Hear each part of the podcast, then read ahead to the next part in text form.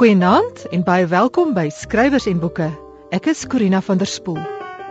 Vanaand in die program gesels ek met die sekretaris van die Potchefstroomse leeskring oor die leeskring wat al byna 50 jaar bestaan. Letterkundekenner Willie Burger gesels oor perspektief in die roman. Dan vertel Terrens April meer oor die skrywer Gail Sobotmokwe van Botswana. Jy kan vanaand ook luister na 'n gesprek tussen Joan Hambidge en digter en vertaler Charles J.F. Celie oor sy digkuns en die vertaling van Afrikaanse gedigte na Engels. Dan gesels ons nog verder oor vertaling in die program wanneer ek gesels met Pieter Jaar. Hy is regsgeleerde, digter en filmmaker en nou ook vertaler van Albert Camus se roman La Peste of in Engels The Plague.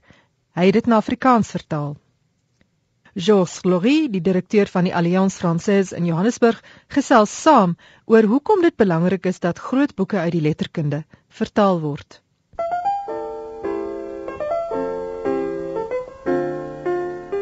Sit nader vir skrywers en boeke. Wilna Pretorius is die sekretaris van die Potchefstroomse leeskring. Hierdie leeskring organiseer al vir byna 50 jaar lewendige besprekings van letterkunde. Sy het interessante anekdotes in hulle argiewe gevind en vertel my meer daaroor. Goeienaand Wilna. Goeienaand Corina. Wilna, julle het 'n leeskring wat al byna 50 jaar bestaan. Wanneer het hierdie leeskring ontstaan en hoe werk dit? Ons leeskring het in 1964 ontstaan en dit is gegrond op die riglyne wat Audrey Blinou vir leeskringe voorgestel het. Sy sê ook dat leeskringe die laaste loopgraaf van die letterkunde is. En solank daar boeke is, sal ons leeskringe sorg dat hulle bespreek en geniet word. In die voorskrifte wat sy gegee het, het sy byvoorbeeld voorgestel dat 'n kinder- of jeugverhaal elke jaar bespreek word, 'n anderstalige boek, 'n digbundel, 'n kort verhaal en dan bly daar vir ons bly daar vier vergaderings oor wat ons dan 'n roman bespreek, wat dan 'n reisverhaal of 'n biografie ook kan wees. So julle so min of meer gehou by hierdie riglyne wat Audrey Blinou lank gelede gestel het. Ja, ons het en dit werk baie goed. Wie mag aan julle leeskring behoort? Dit is uitsluitlik vir vroue. Hoewel ons nou ook mans het wat so af en toe dit bywoon, maar hulle word nooit lede nie. Hulle bly maar soos ons voorsitter sê ons leiwagte. Uit die argiewe kan ek vir jou iets interessants vertel dat ehm um, toe die konstitusie vasgelê is, het hulle gesê dat dit vir Afrikaanse en Hollandse vroue is. Want jy weet Potchefstroom het 'n baie sterk Hollandse gemeenskap en dit was nogal vir my interessant geweest en ook die boeke wat in daai tyd gelees was, was Afrikaanse boeke en Hollandse boeke. Hm. Jy het ook vir my vertel dat Elsie B Steenberg, die jeugboekskrywer, 'n voorsitter was by julle vir baie jare. Ja, sy was vir baie jare ook lid van die leeskring gewees. Sy was ook om eh, met tye voorsitter gewees van die leeskring. Sy is in 1996 oorlede en toe is daar 'n baie mooi huldigingsaand ter nagedagtenis van haar gehou. Maar ek het in 'n briefie uit die argiewe gekry wat sy in 1992 geskryf het waar sy 'n bespreking sou hou en waar sy toe nou al baie siek was wat sy geskryf het dis baie swaar dat sy dit nie kan ehm um, aanbied nie, maar sy sal iemand vra om dit te doen want en dan skryf sy sy hou nie daarvan om uit te chicken nie. Dit was nogal vir my so dierbaar geweest, nê. Ja. En dan was daar ook 'n baie oulike briefie van Minnie Postma, die skrywer van kinderliedjies en sy het uitsluitlik ook ek dink 'n soete liedjies geskrywe wat sy gesê het as ons mooi vra sal sy dit sommer sing ook. Het sy dit toegesing? Ek weet nie, ek kon nie sien nie. Dit was nou 'n hele klompie jaar gelede. Watter boeke bespreek julle nog die res van hierdie jaar of is daar hoogtepunte waaroor jy wil ja, gesels? Ja, daar is regtig hoogtepunte in hierdie jaar nog. Elke jaar hou ons ook 'n gaste aan wat ons nogal probeer om dan die skrywer van die boek wat bespreek word by ons te verwelkom en dan bespreek hy of sy nou die boek en ons hou 'n lekker aand daarvan. So hierdie jaar is Derek van der Walt ons gas en dan kom hy Willem Poprop bespreek. So is dit nie dieselfde skrywer wie se uh daantjie nou voor Dan se Blue Geranium word nou voorgeles. Dis reg. Ja, en uh, sy ander boek Lense langstaan skoene het ons verlede jaar bespreek en dis omdat ons dit so geniet het wat ons besluit het om hom hierdie jaar te vra. Ons het 'n paar jaar gelede was PG Du Plessis ons gas toe hy die fees van die ongenooides bespreek het.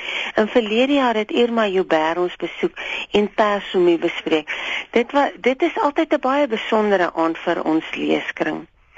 Ons het ook nog vir die res van die jaar het ons Margaret Bakkes se boek Fado vir 'n vreemdeling en ons sluit die jaar op 'n vroliker noot af met Rihanna Skeepers se Katrina vertel. Jy het nou gepraat oor hoe jy besluit volgens Audrey Blinow se riglyne vir leeskringe, maar hoe besluit jy uh, op die boeke wat jy verder kies? Byvoorbeeld by die anderstalige boek probeer ons ook om skrywers Suid-Afrikaanse skrywers te gebruik wat in ander tale skryf. Byvoorbeeld ons het verlede jaar Shahida Kali se boek not a fairy tale bespreek. En hierdie jaar Cynthia Jelle se boek Happiness is a four letter word. Uit die argiewe het ek ook gesien dat daar 'n hele aantal jare gelede het hulle 'n Tswana skrywer gehad. Um Oka Matsepe wat self sy boek Die Harsingshuil bespreek het. Daaruit voorgeles het en Nos Swanepoel wat hier by, by Tswana was, het dit verder bespreek. Bespreek julle meestal Afrikaanse boeke of ook boeke uit die wêreldletterkunde? Ons bespreek ook boeke uit die wêreldletterkunde. Ons het um so 'n paar jaar gelede die Nederlandse boek gehad, De Tweeling, het ons bespreek en dan ook veral van die Engelse boeke kom dit dan maar baie kere ook uit die wêreldletterkunde. Soos byvoorbeeld die boeke van Khaled Hosseini het ons ook bespreek. Wel nou jy het gepraat oor hoe leeskringe eintlik die laaste loopgraaf van die letterkunde is. Maar as jy iemand sou wou reed om by die leeskring aan te sluit, wat sou jy vir daardie persoon sê? In die oorspronklike konstitusie wat daar gestel was, het hulle geskryf dat dit 'n 'n vereniging vir ontspanning is en dat daar geen liefdadigheidswerk gedoen word nie. En dit is nog altyd so. Dit is een van die lekkerste dinge waaraan jy kan behoort, want jy kan net gaan om dit te geniet. Jy hoef nooit te kook te bak nie en jy hoef nooit fondse in te samel nie. Baie dankie daarvoor Wilna, ek hou baie daarvan.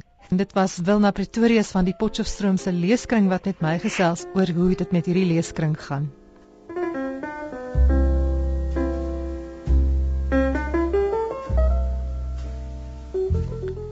Letterkundige Willie Burger gesels gereeld in hierdie program oor die vorm en inhoud van die roman. Hy skryf ook hieroor in sy weeklikse Vrouekeur rubrieke.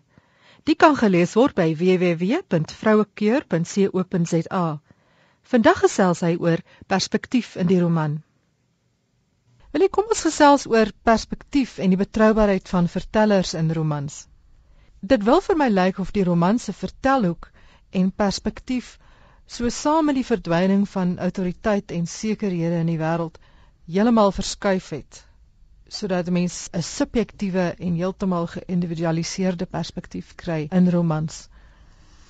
Ja, ek ek dink so ek weet eh, WG Sebald die die Duitse skrywer wat omtrent sy lewe lank in Engeland gewoon het, het um, een keer in 'n onderhoud spesifiek so 'n opmerking gemaak wat hy gesê het enige manier waarop geskryf word waarin die verteller in 'n roman homself voordoen as die alwetende kenner van alles en wat sommer die soos hy dit gestel het die judge director stagehand and executor van die teks is vind hy onaanvaarbaar. Hy dink dit het in ons tyd onaanvaarbaar geword.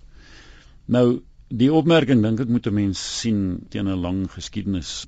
In die in die eerste plek dink ek mens moet dalk net sê mens kry wanneer 'n storie vertel word, is daar verskillende maniere waarop jy 'n storie kan vertel. In die eerste plek kan jy natuurlik die storie vertel met 'n verteller wat self 'n karakter binne in die storie is wat ons ook sal noem 'n eerste persoon verteller of 'n ek verteller heel dikwels.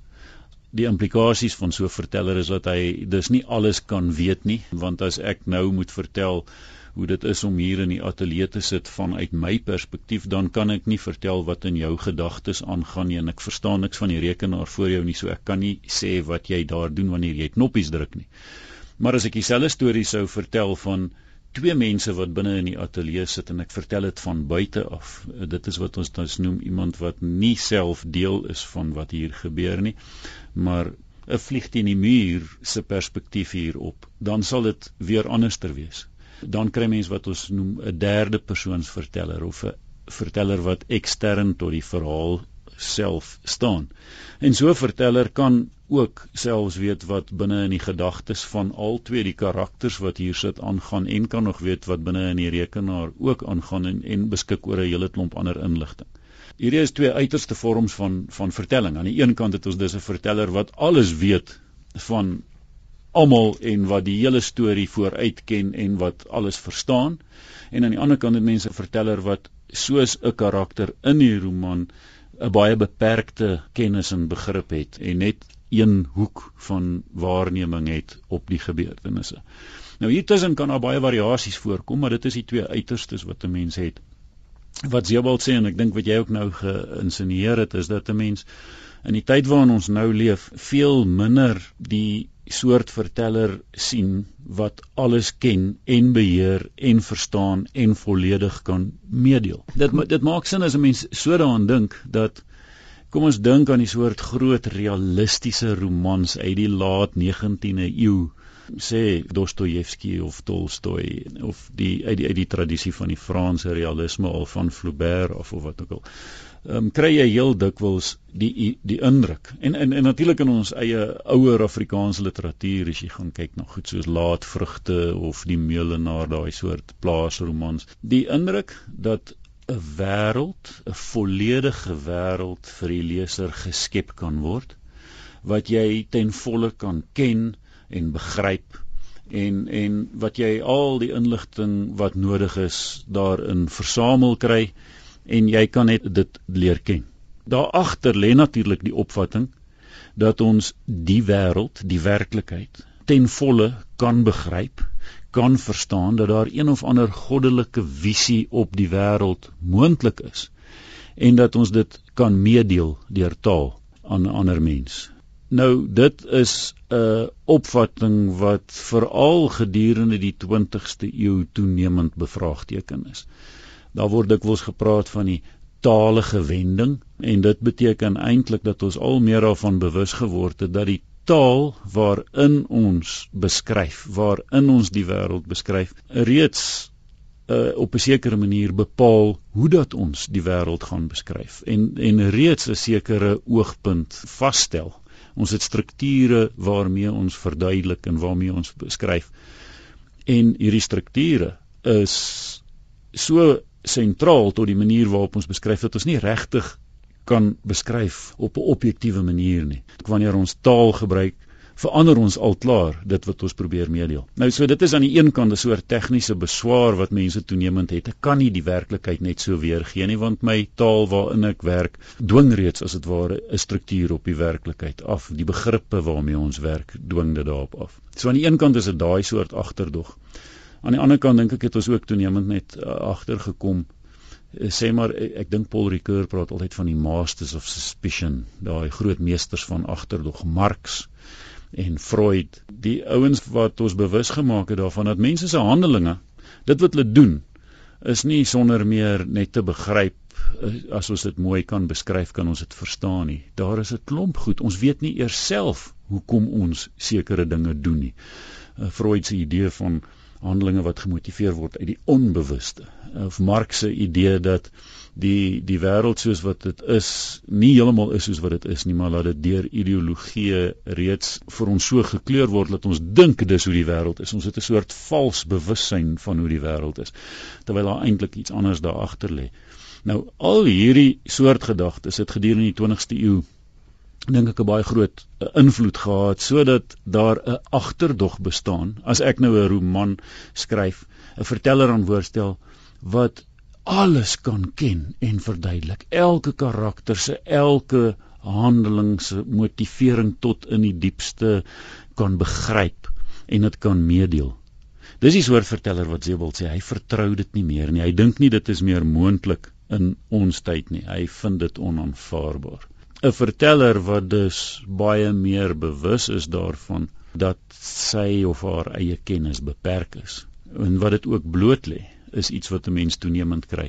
Ek dink David Lodge, die Engelse skrywer, het in een van sy meer teoretiese tekste, ek dink dit was in daai boek van hom oor consciousness in the novel, dat hy opmerk dat die hoeveelheid romans waarin 'n eerste persoon verteller aan die woord is baie toegeneem het sedert die Tweede Wêreldoorlog in vergelyking met romans waarin 'n eksterne derde persoon verteller aan die aan die woord is. En dit is iets hiervan dink ek ook wat aan die aan die grond hiervan lê. 'n Agterdog teenoor 'n verteller wat regtig kan voorgee om alles te ken. Dit weerspieël iets van 'n tyd waarin ons nie meer so gemaklik daarmee is wanneer iemand sê die hele wêreld lyk so en so is dit uit 'n groot autoritaire posisie nie. Miskien hang dit saam met 'n soort demokratisering, 'n bewustheid in elk geval wat in die sogenaamde postmodernistiese tekste dik dikwels tot op 'n ekstreme vorm gevoer word. Op verskeie maniere. Aan die een kant kry jy partykeer in in in postmodernistiese tekste 'n verteller wat so absoluut in beheer is dat jy daarmee bewus raak daarvan hoe dit gemanipuleer is en dit nie kan wees nie of jy het 'n veelvuldige klomp vertellers wat elkeen net 'n klein stukkie vertel en en is moeilik om om 'n samehang eintlik as dit ware uit al hierdie klein brokkies te kry. So op, deur verskeie sulke tegnieke te gebruik. Die idee dat daar 'n enkele vaste waarheid bestaan en dat dit nog boonop weergegee kan word ondermyn. Baie dankie Willie. Dit was Willie Burger, professor in letterkunde by die Universiteit van Pretoria. Terrence April vertel vandag meer oor die skrywer Gail Sobotmokwe. Gail Sobotmokwe is in Australië in 1956 gebore, maar immigreer na Botswana in 1978. Sy het daar as dosent in Engels klas gegee en later 'n doktorsgraad oor swart vroue skrywers in Afrika aan die Hull Universiteit voltooi. Sobot Mokwe se eerste werk, The Magic Pool, verskyn in 1992. Dit was die eerste bundel kinderverhale wat die toon sou aangee vir nog heelwat ander soortgelyke werke. 'n Jaar later verskyn Speckled Eggs en nog 'n jaar later Weird Wombo. In 1995 verskyn Sobot Mokwe se eerste bundel kortverhale, Color Me Blue, voordat sy haar weer wend tot kinderverhale in Tumelo and the Bluebirds en Tickles. Gail Sobotmokwe skryf baie oor vroue en hulle omgewings waarin hulle hulle lewe sluit. Daar is veral baie konflik tussen die vroue as sterk karakters binne tradisionele kontekste, veral op die platteland, waar die mans daar nie baie genee is met die vroue se opmars tot groter vryheid nie. Dis verwaar 'n vermenging van die vrou wees stryd en tradisionele storievertelling. Hierdie blik op een van ons Afrika skrywers, Gail Sobot Mokwe, is saamgestel met die hulp van Robin Malan se A to Z of African Writers, uitgegee deur Shooter.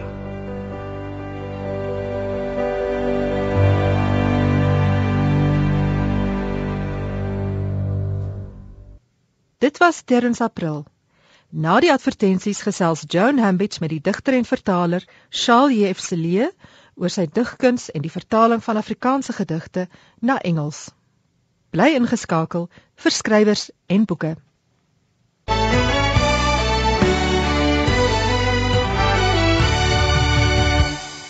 Goeienaand, baie welkom by Skrywers en Boeke. Vanaand gesels ek Joan Hambidge met Charles Celie, eintlik Charles J.F. Celie, 'n bekende digter en vertaler. Shaal, jy het 'n Afrikaanse van, tog dig jy veral in Engels. Nou vertel vir ons iets van jou lewe, waar is jy gebore en hoekom het jy Afrikaanse van? Ek is dan ek is in die Kaap gebore en op 18 maande ouderdom is, is ons Vrystaat toe. My pa was Afrikaans sprekend, my ma Engels sprekend en ek het feitelik nie ehm, 'n um, woord Afrikaans praat totdat ek uh, skool toe gegaan het nie. En toe is my ouers geskei en ek is saam met my ma en en my broer na die Engelse deel van die familie. Maar jy's omtrent sou 'n mens kon sê volledig tweetalig. Ja. Nou hoe dit gebeur en hoe kom dit dat jy gedigte vertaal van Engels na Afrikaans, van Afrikaans na Engels? Meestal vertaal ek na Engels. Ehm um, wanneer dit kom by vertalings in Afrikaans, ehm um, staan ek terug vir mense soos uh, Johan de Lange wat werklik goeie Afrikaanse vertalers is. Ek het begin vertaal heeltemal per ongeluk. Ehm um, ek het nooit vir myself beskou as 'n as 'n vertaler nie. Ek het jare lank uh, gewone prosa uh, toesprake by die parlement vertaal. Maar dit is eers toe uh, Lucas Malan 'n resensie van een van my bundels gedoen het, ehm um, dat hy vir my gevra het om 'n uh, paar van sy gedigte te vertaal vir Poetry International. En my eerste kommentaar was dat as dit nie goed genoeg is nie, moet hy dit maar liewer vir iemand anders gee en hy was toe gelukkig maar tevrede daarmee. Hoe vertaal 'n mens 'n gedig? Ek kan net vir myself praat. 'n Mens neem die gedigte en soek belangrike eienskappe in die gedigte om om uh, wat 'n mens moet uh, probleme wat 'n mens moet oplos. In sekere gedigte van Johan Lodewyk Maree byvoorbeeld wat ek vertaal het, ehm um, het ek gesien hy gebruik ehm um, 10 silabes per reël in in feitelik al sy gedigte uh, in daai groepie wat ek vertaal het. En dit is 'n belangrike element wat 'n mens dan in ag moet neem. Ander gedigte weer ehm um, soos die van van die Olivier is daar ehm um, twee of drie rymklanke wat oor en oor gebruik word. Nou ek stem saam met Johan de Lange as 'n mens nie 'n gedig met al sy rymklanke al sy belangrike elemente kan vertaal nie, dan moet jy maar liewer terug staan en dit vir iemand anders los om te doen. Mag ek vra, vertaal jy die gedig uiteindelik eers in prosa en dan in poesie vorm of vertaal jy dit direk van een vorm na 'n ander vorm? Nee, ek loop met die gedig in my kop rond en ek vertaal die gedig presies soos wat hy op die ou end uh, uh, uh, moet klink. En die belangrike ding wat ek geleer het van uh, vertalings van toesprake by die parlement is dat die vertaling moet klink soos uh, die oorspronklike. Uh, uh die uh, vertaling van die gedig moet nie klink soos die vertaler se stem nie. Dit moet die stem hê van die van die van die digter sover moontlik. Maar hoe kry jy dit reg?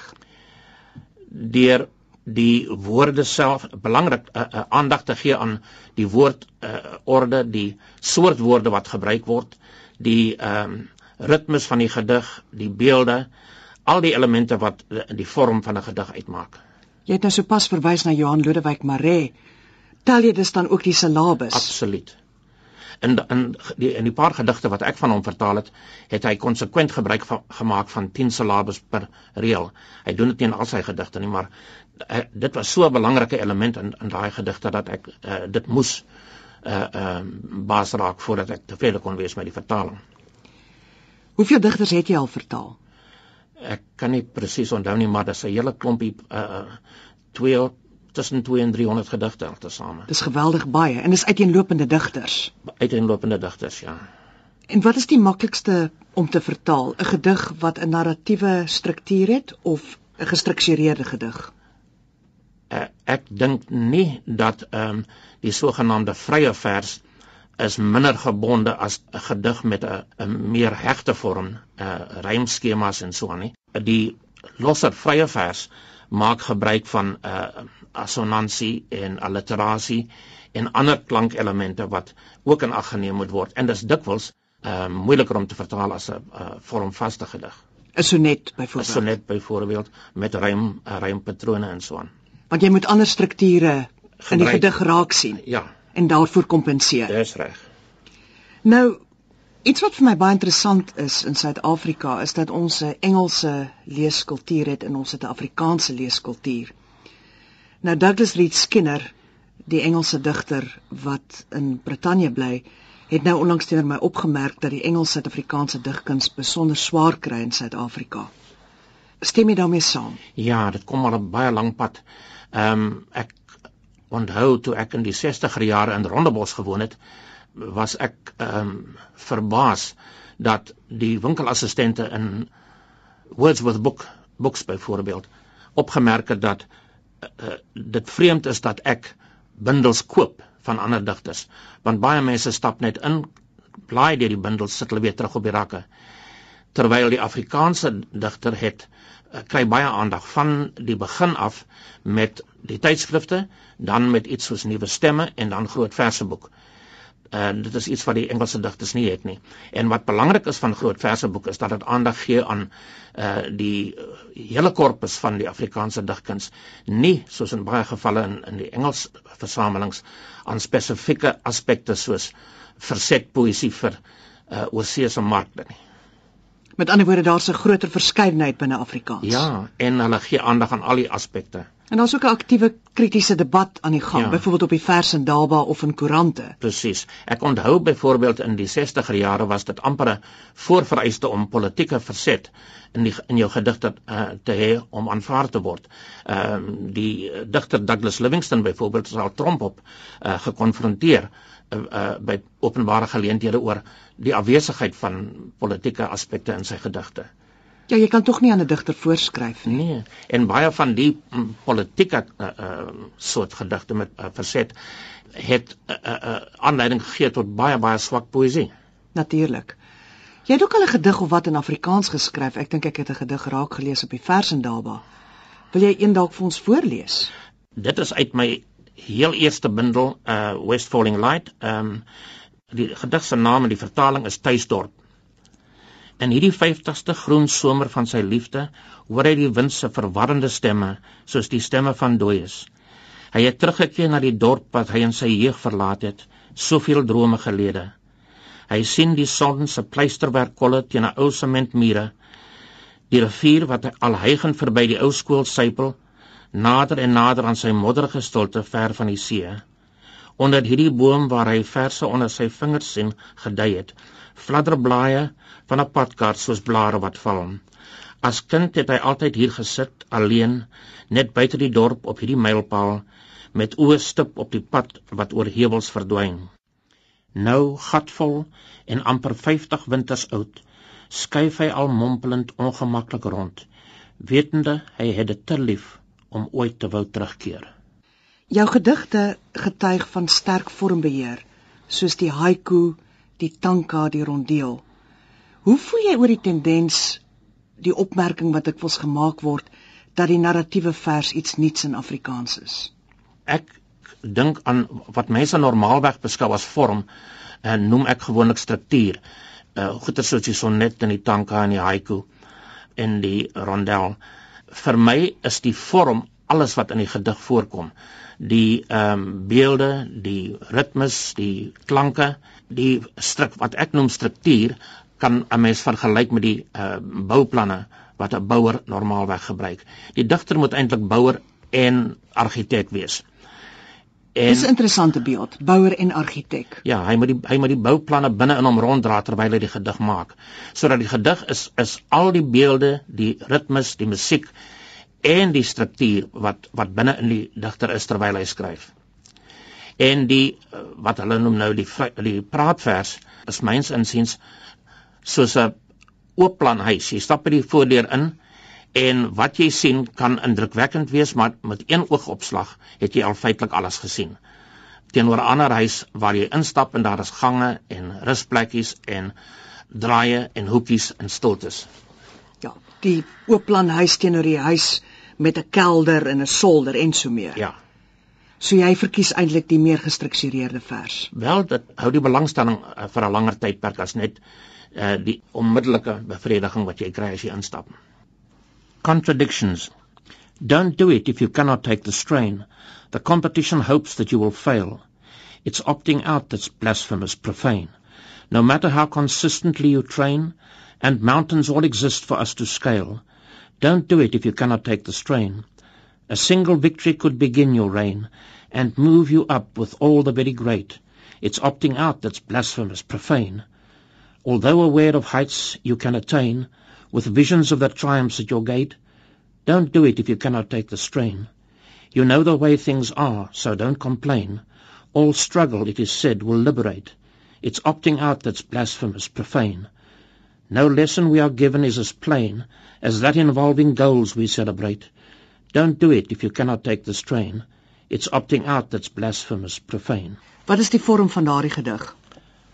Ehm um, dis 'n variasie op Dis op, op die Villanelle, né? op die Villanelle, ja. Ja, dis 'n variasie op die Villanelle.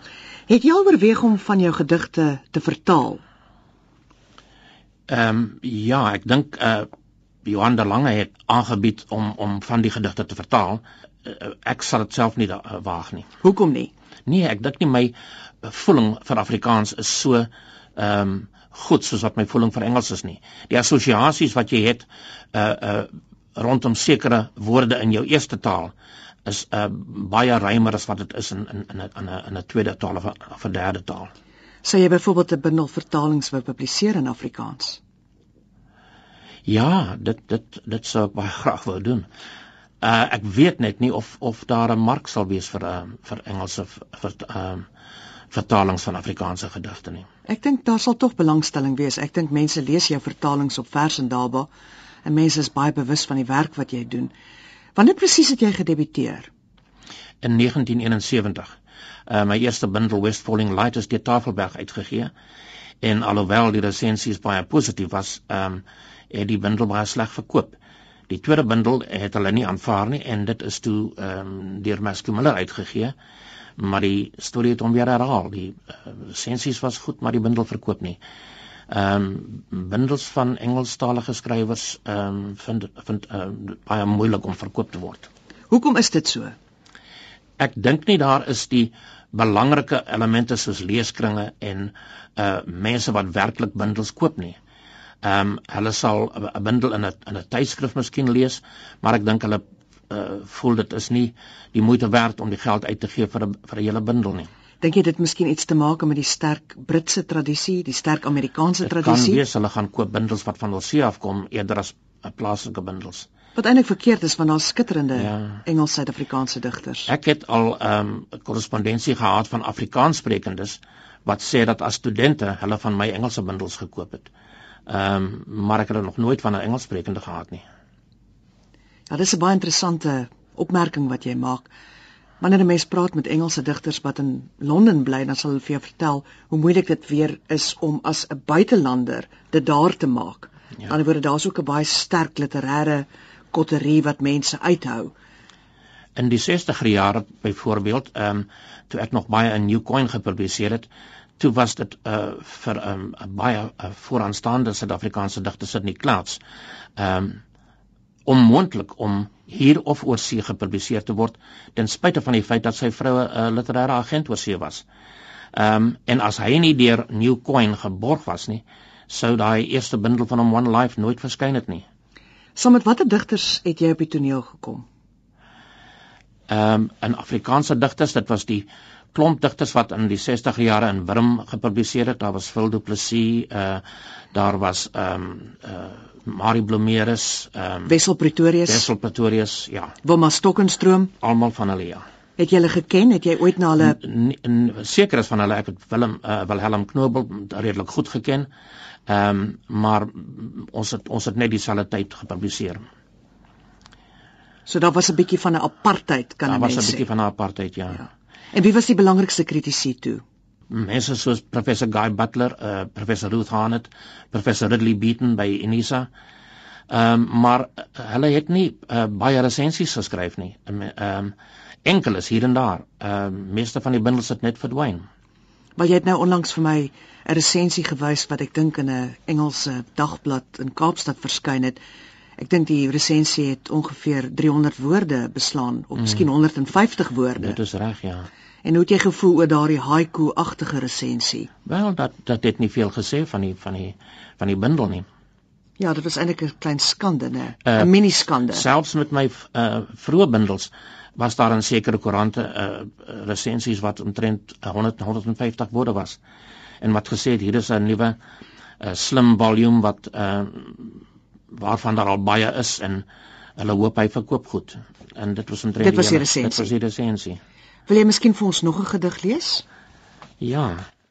Death of a recluse who never ventured forth by day. This morning when I woke, the house next door had an incredulous, dishevelled look, an all windows open stare. My neighbour had not come out to fetch yesterday's paper from the letterbox. The front door, by days so tightly latched, stood wide open to the morning's flux. Hasty visitors went and came and went, silent, businesslike, not invited, sent.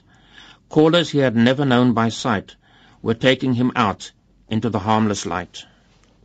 Baie dankie. Dit was dan die vertaler en die digter Charles Celie. Charles, baie dankie dat jy met ons kom gesels het. Baie baie dankie dat ek kon kom. Dit was Joan Hambidge met die digter Charles J.F. Celie. Nou die advertensies gesels ek met Pieter Jaar en Georges Laurie oor 'n interessante vertalingsprojek. Dit is die vertaling van Albert Camus se The Plague na Afrikaans. Bly ingeskakel vir meer skrywers en boeke.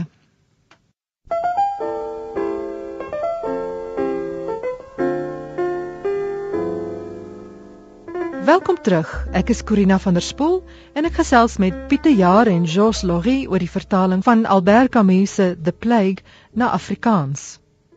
Dit is in Afrikaans uitgegee as Die Pes deur Protea Uitgewers.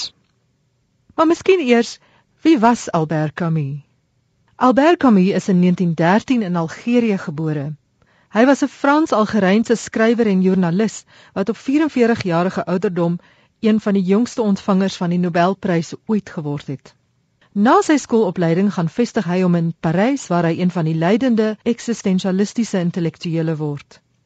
Gedurende die Duitse besetting van Frankryk in die 1940s speel hy 'n aktiewe rol in die weerstandsbeweging en word redakteur van die ondergrondse koerant Combat. Hy was ook vriende met die Franse filosoof Jean-Paul Sartre, maar na die oorlog verbreek hy sy vriendskap met Sartre In 1960 sterf Albert Camus in 'n motorongeluk. Camus se groot bydrae tot die filosofie was oor die idee van die absurde. Hy druk dit uit in sy novelle Die mite van Sisyphus, waarin 'n man aanhoudend 'n klip opstoot teen 'n heuwel, maar elke keer rol die klip weer af en moet die man van voor af begin. Hierdie idees inkorporeer hy ook in sy roman Die buitestander en Die pes. Die begrip buitestander of outsider het na Camus se roman deel geword van die internasionale woordeskat in vele tale, ook in Afrikaans. In Afrikaans het Jan Rabie die outsider vertaal na die buitestander. Die buitestander is sekerlik een van die aangrypendste romans wat ooit geskryf is, waarin Camus se filosofie van absurde vryheid verwoord word.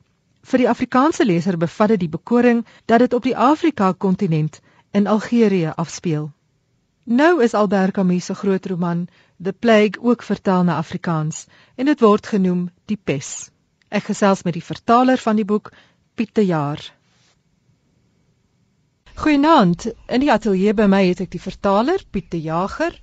Hy's ook 'n digter. Hy het in 2006 'n digbundel met die naam Ou Hout het van hom verskyn by Protea Uitgewers. Hy's ook 'n advokaat en hy maak ook films. Om die waarheid te sê, het hy die film van Roopman gemaak. Die boek wat hy vertaal het, is Albert Camus se Die Pes. Ook in die ateljee by ons is Jos Laurie, hy is die direkteur van die Alliance Française in Johannesburg. Hy is ook 'n vertaler en hy praat vlot Afrikaans. Jos, is jy nie ook self digter nie?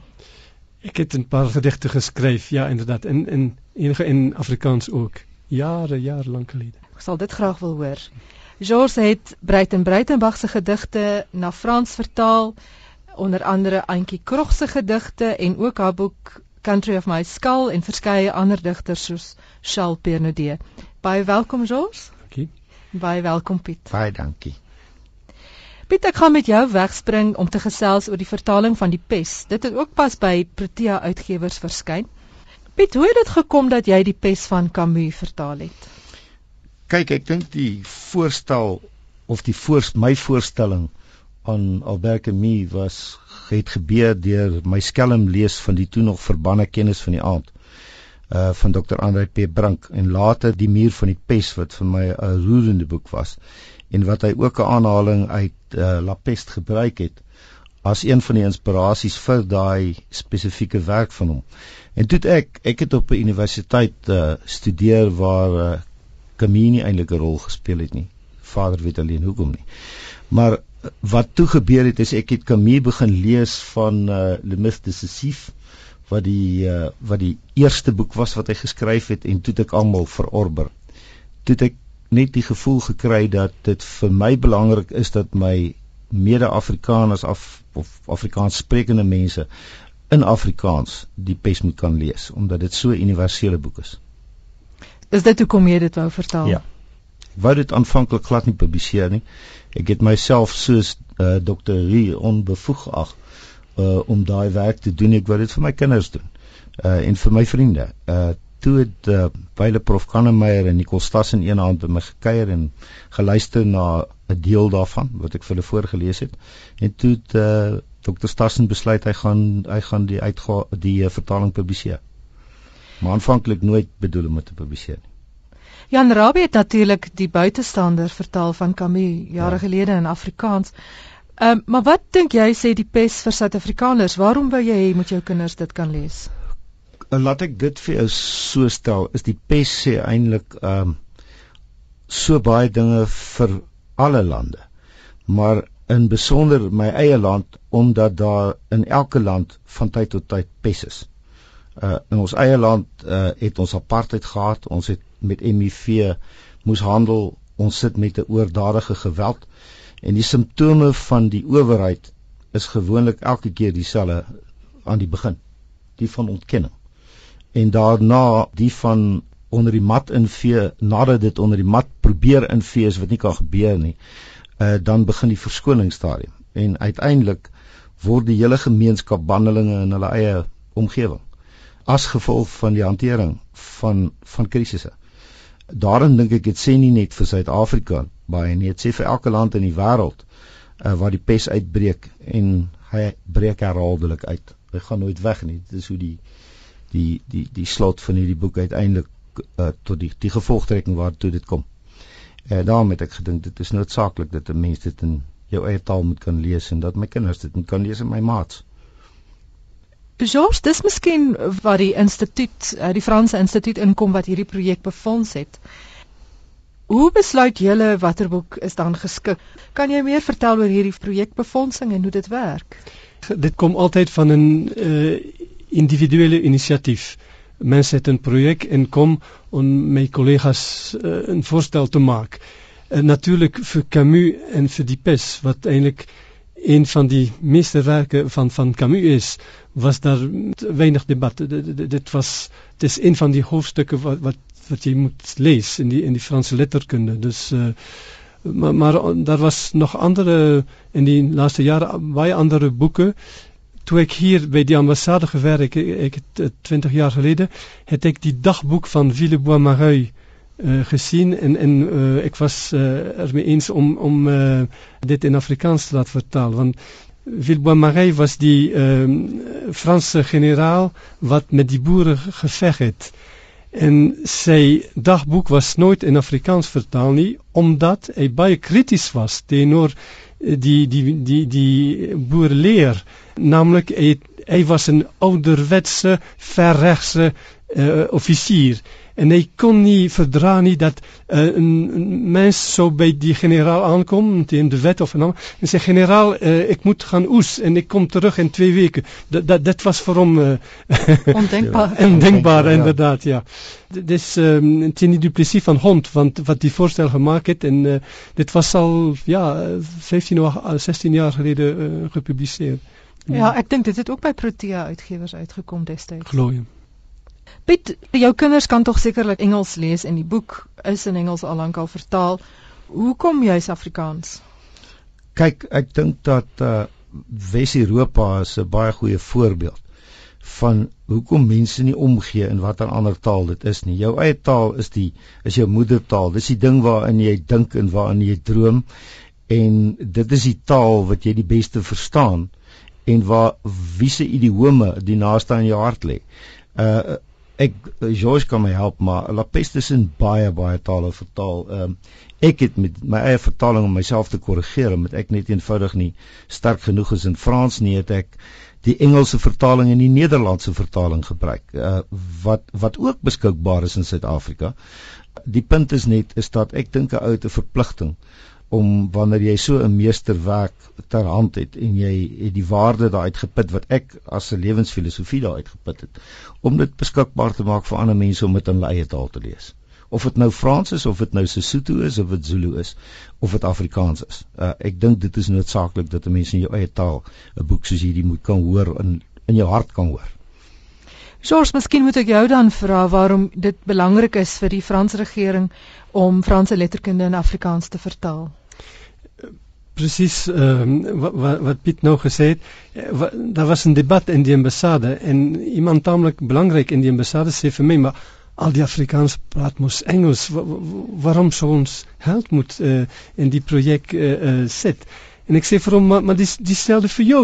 Jy jy lees baie goed in Engels, maar jy verkies tog in jou eie moedertaal iets te lees, naamlik so 'n groot uh, boek as La Peste, La Peste, ja. Dus ja, uh, dis dis altyd 'n debat in uh, tussen ons, uh, maar ek dink daar is uh, groot boeke wat uh, in in alle tale moet vertaal word en uh, dit was 'n baie goeie inisiatief van Camus se boek te te kies.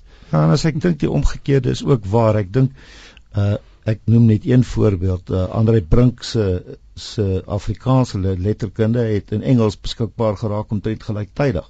Maar as van daardie werk ook vertaal in in Frans.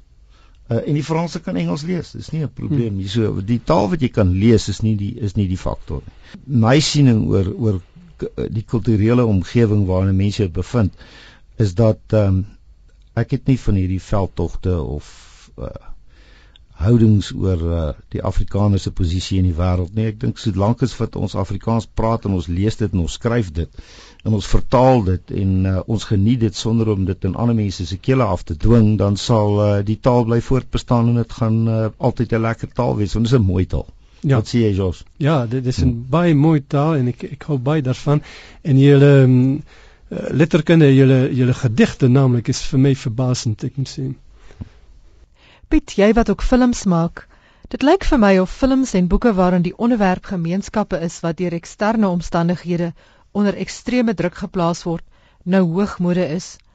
Dink maar aan Cormac McCarthy se The Road en José Saramago se apokaliptiese Blindness.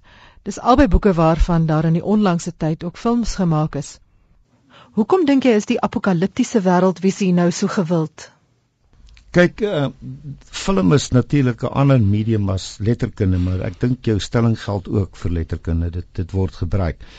Elke storie gewoonlik het het 'n mens in wat hulle in die Engels en ek kan dit nie lekker direk vertaal nie, is dat daar's 'n sogenaamde ordinary world in 'n storie, 'n gewone wêreld waarin 'n mens leef. En die storie begin regtig inskop wanneer jy in 'n spesiale wêreld ingedwing word. So 'n apokaliptiese omgewing is 'n ideale uh omgewing vir 'n storieverteller om 'n mens en sy reaksies onder sekere omstandighede te kan uitbeeld en regtig 'n storie uh daarvan te maak in in in Amerika in Hollywood spesifiek is is dit 'n kwessie van 'n bepaalde benadering tot hierdie hoë vorm van aksie. Hoe vinniger die die aksie gedryf kan word, hoe beter en 'n apokaliptiese omgewing dryf aksie. So in Camus se geval was dit natuurlik iets heeltemal anders. Dit was die werklikheid. En uh, ek het Miskien wil jy kortliks vertel waaroor die Ja, ek, ek het ek het baie navorsing gedoen oor die feit dat uh, hy as gevolg van sy tuberkulose deur sy sy, sy medisyne aanbeveel is om met Algiers pad te gee en in uh, ek dink hy was toe nog in Oran om om pad te gee uit Algerië ten minste en in die uh, hoër liggende gebiede in Frankryk te gaan bly. En hy's na 'n plek toe met die naam van Le Chambon. Voordat hy soontoe is, uh, het hy reeds begin aan aan La Peste werk, maar hy het vir sy vriende in in in uh Parys geskryf dat nou dat hy hier bly, moet hy die hele boek herskryf. En die rede was dat Le Chambon wat die hoogste toekenning van die uh, Joodse gemeenskap in Israel ontvang het, het vasgetrap dis hiergenote ons voorouers Afrikaner voorouers se la een van die laaste ou vestingkies in in in die suide of liewer in Provence omgewing net noord van Provence waar 'n hiergenote dorpie was en hulle het besluit hulle gaan die Jode help. En hulle het Jode weggesteek hulle het vir hulle veilige roetes na Spanje en Switserland toe oopgemaak dis nou in die Tweede Wêreldoorlog. Dis in die Tweede Wêreldoorlog en toe bly Albert Camus daar en die rede was dat hy nie so lank daar gebly het is toe gaan die grense toe tussen Algerië en Frankryk uh, as gevolg van die geallieerde oorname daar. En die gevolg daarvan was dat hy leef tussen hierdie mense as 'n banneling. Uh, hy kan nie teruggaan na sy eie land toe en hy sien hoe mense wat met die Joodse gemeenskap niks uit te waai gehad het nie, uitreik na hulle, hulle beskerm en hulle en hulle help. En en baie van die karakters in La Peste is karakters wat wat kom uit daai dorp uit. Ek dink persoonlik dat Randberg, ek weet nie wat dink jy nie, was Camus homself by wyse van ja, 'n uh, mate van biografie. Dis 'n bietjie raai, maar ek dink dit was so. George, watter ander boeke sou julle in hierdie projek na Afrikaans vertaal? Ons het al 'n paar boeke vertaal. Ehm um, die voorlaaste een was Die Afrikaan van Leclésio, vertaal deur ehm um, deur Naomi Campbell. Leclésio is ons laaste Nobelprys en dis oor sy jeug in uh, in Nigeria. En sy pa sy ma wat in Kameroen gewerk het en daarna uh, weer in, Nigeria. Sy pa was 'n uh, dokter 'n velddokter eintlik hy het altyd rondgetrek in al die dorpies in in Nigeria en dis baie mooi boek ook. Ja Op 18 Augustus sal daar 'n bekendstelling wees van die pes by die Alliansie kantore naby die dieretuin meer in Parkview in Johannesburg. Dit word eintlik gereël deur die Boeka wat die Franse biblioteek is by die Allianz. Jos, wil jy bietjie meer vertel oor wat is die Boeka en wat is hulle doelwit? Die Boeka behoort aan die Franse Instituut, maar hulle word deur ons deur die Allianz herberg. Dis dis hoekom baie mense dink dis die biblioteek van die Allianz, maar dis eintlik administratief 'n bietjie anders. Maar die boeke dit kom van van Sesotho af, uh, boeke glo. Uh, dis uh, dis ons biblioteek en uh, my kollega daar organiseer um, literaire ontmoetings en um, dis dis iets lewendigs wat, wat dis dis nie net 'n uh, biblioteek waar jy kom en, en jy, jy vat boeke of of DVD's of of dergelyk. En enigiemand kan by daardie biblioteek uitneem. Ja. ja. Ek verstaan ook dat daar baie boeke in vertaling is in Engels en natuurlik 'n paar in Afrikaans, maar ook in uit Frans beskikbaar by hierdie biblioteek. Ja, dis ook 'n manier om die Franse letterkunde te te, te kan voel uh, in jou eie taal of in 'n ander taal. Dis ons dink dis die, die punt is om om die Franse letterkunde beskikbaar te maak. Dit dit is die eerste punt en daarna as mense ook Frans wil leer, dis dis dis die beste. Piet, jy's 'n man van baie talente soos ek vroeër gesê het. Jy's 'n praktiserende advokaat, jy's 'n digter, jy maak ook films. Jy het die hoogs suksesvolle Roepman gemaak en jy's tans weer besig met 'n film. Vertel meer hiervan. Ons is uh besig met die finale fase van uh Verraaiers. Uh wat met die Engelse onderskrif Traitors sal uitkom. Dit is uh gebaseer op uh is eintlik geïnspireer deur ware feite van 'n familie in die Tweede Vryheidsoorlog. Uh dis nie 'n oorlogfilm nie. Uh, die die agtergrond tot die film is bloot die oorlog. En uh wat wat ons probeer met hierdie verhaal is om te wys wat doen oorlog aan mense sonder om die oorlog te wys maar die ellende van die individu te te beklemtoon dit is uh, seker 'n minder omstrede film as Roepman alhoewel ek wonder maar hoe dit ook al sê is dat uh, die sogenaamde 'n uh, bekendstellingslyn van die van die film is dat oorlog is waansin en verraad is 'n stukkende woord en ons probeer kyk na die werklike betekenis van verraad en onder watter omstandighede sekere goed gebeur. Maar dis 'n lekker film gewees. Uh, Rika Senet, Gys de Villiers, 'n klomp ander bekende ouens wat die uh, wat die hoofrolle vertolk. En wanneer gaan dit vrygestel word? Dit word vrygestel in Februarie volgende jaar, maar dit sal binnekort klaar wees. Ek het gewonder Piet of jy 'n stukkie wil lees uit die pes. Die gesprek wat plaasgevind het tussen Dr. He en Taro wat die twee vriende uh gee die kern van hierdie boek weer. Vir my is een van die kernoomblikke in hierdie boek is as die een vriend vir die ander sê in die geskiedenis van die mensdom het dit dikwels gebeur dat diegene wat dit durf waag om te sê dat 2 + 2 4 is, hulle 'n doodsvonnis op die hals gehaal het. Dit weet elke goeie onderwyser. Die vraag is nie wat die beloning of die straf sal wees as jy die som kan maak nie. Die vraag is of jy weet dat 2 + 2 4 is. vir die mense van ons stad wat hulle lewe op die spel geplaas het, was die keuse dis bloot of die pes in hulle midde was of nie en of hulle daarteen moes beklei of nie. Dis vir my half die hele tema van die boeke wel die boeke so soveel fasette het dat uh, dat 'n mens nie dit kan vasmaak in een paragraaf of in een passasie nie. Daarvoor het ons nie die tyd nie. As jy nog 'n boek sou kon vertaal omdat jy voel dit moet aan 'n wyeer uh, gehoor bekend gestel word wat wat sou jy doen Ek het te bang geword na ek hierdie een vertaal om daaraan te dink, maar, maar dit sal weer 'n Franse boek wees. Ek is mal oor die Franse letterkunde. Ek ek lees dit uit die aard van die saak in Engels en nou probeer ek dit ook in Frans lees, maar my Frans is net nie sterk genoeg nie. Ek gaan maar volgende jaar by George hulle inval as ek aftree. Reg. by die kamers laat ek laat ek behoorlik leer praat, maar ek kan dit goed lees. Maar ek sal weer kyk na na na ander werk van Camus. Daar's nog ander baie grootwerke. Wat dink jy, George? Ja, Camus of skrywers wat wat wat nog jonger as Camus Ja, het jy ook uh, Contemporêre. Ja, hm, ja. hm. ja, dit is 'n moontlikheid. Ja. George, watter Franse boek is daar in julle projek wat nou nie vooruitsig gestel word om vertaal te word? Uh, dit is een project van uh, Catherine Dutoit van, van Stellenbosch om die gedichten van Welbeck uh, in Afrikaans te vertalen. Welbeck is een baie controversiële schrijver wat laatst jaar die Goncourt-prijs gewen het. Hij is zeker uh, die, die meest bekende uh, Franse schrijver nou. Ik weet niet of hij, die beste is, maar hij is iemand wat, wat makkelijk provocateur is en, en dit, dit roept aandacht natuurlijk. Dit is, zover ik weet, die, die grootste project wat uh, in die gang is. Baie dankie aan Piet en baie dankie aan George vir julle bydraes. Net om weer saam te vat, ons het gesels oor Die Pes, die boek van Albert Camus wat vertaal is in Afrikaans uit Frans deur Piet de Jager. By my in die ateljee was Piet de Jaar en ook Georges Laurie, die hoof van die Alliance Française in Johannesburg. Dit is dan al vir vandag se skrywers en boeke. Sluit volgende week weer aan om Woensdag aand van 8 tot 9 vir meer gesprekke oor skrywers en boeke. thank you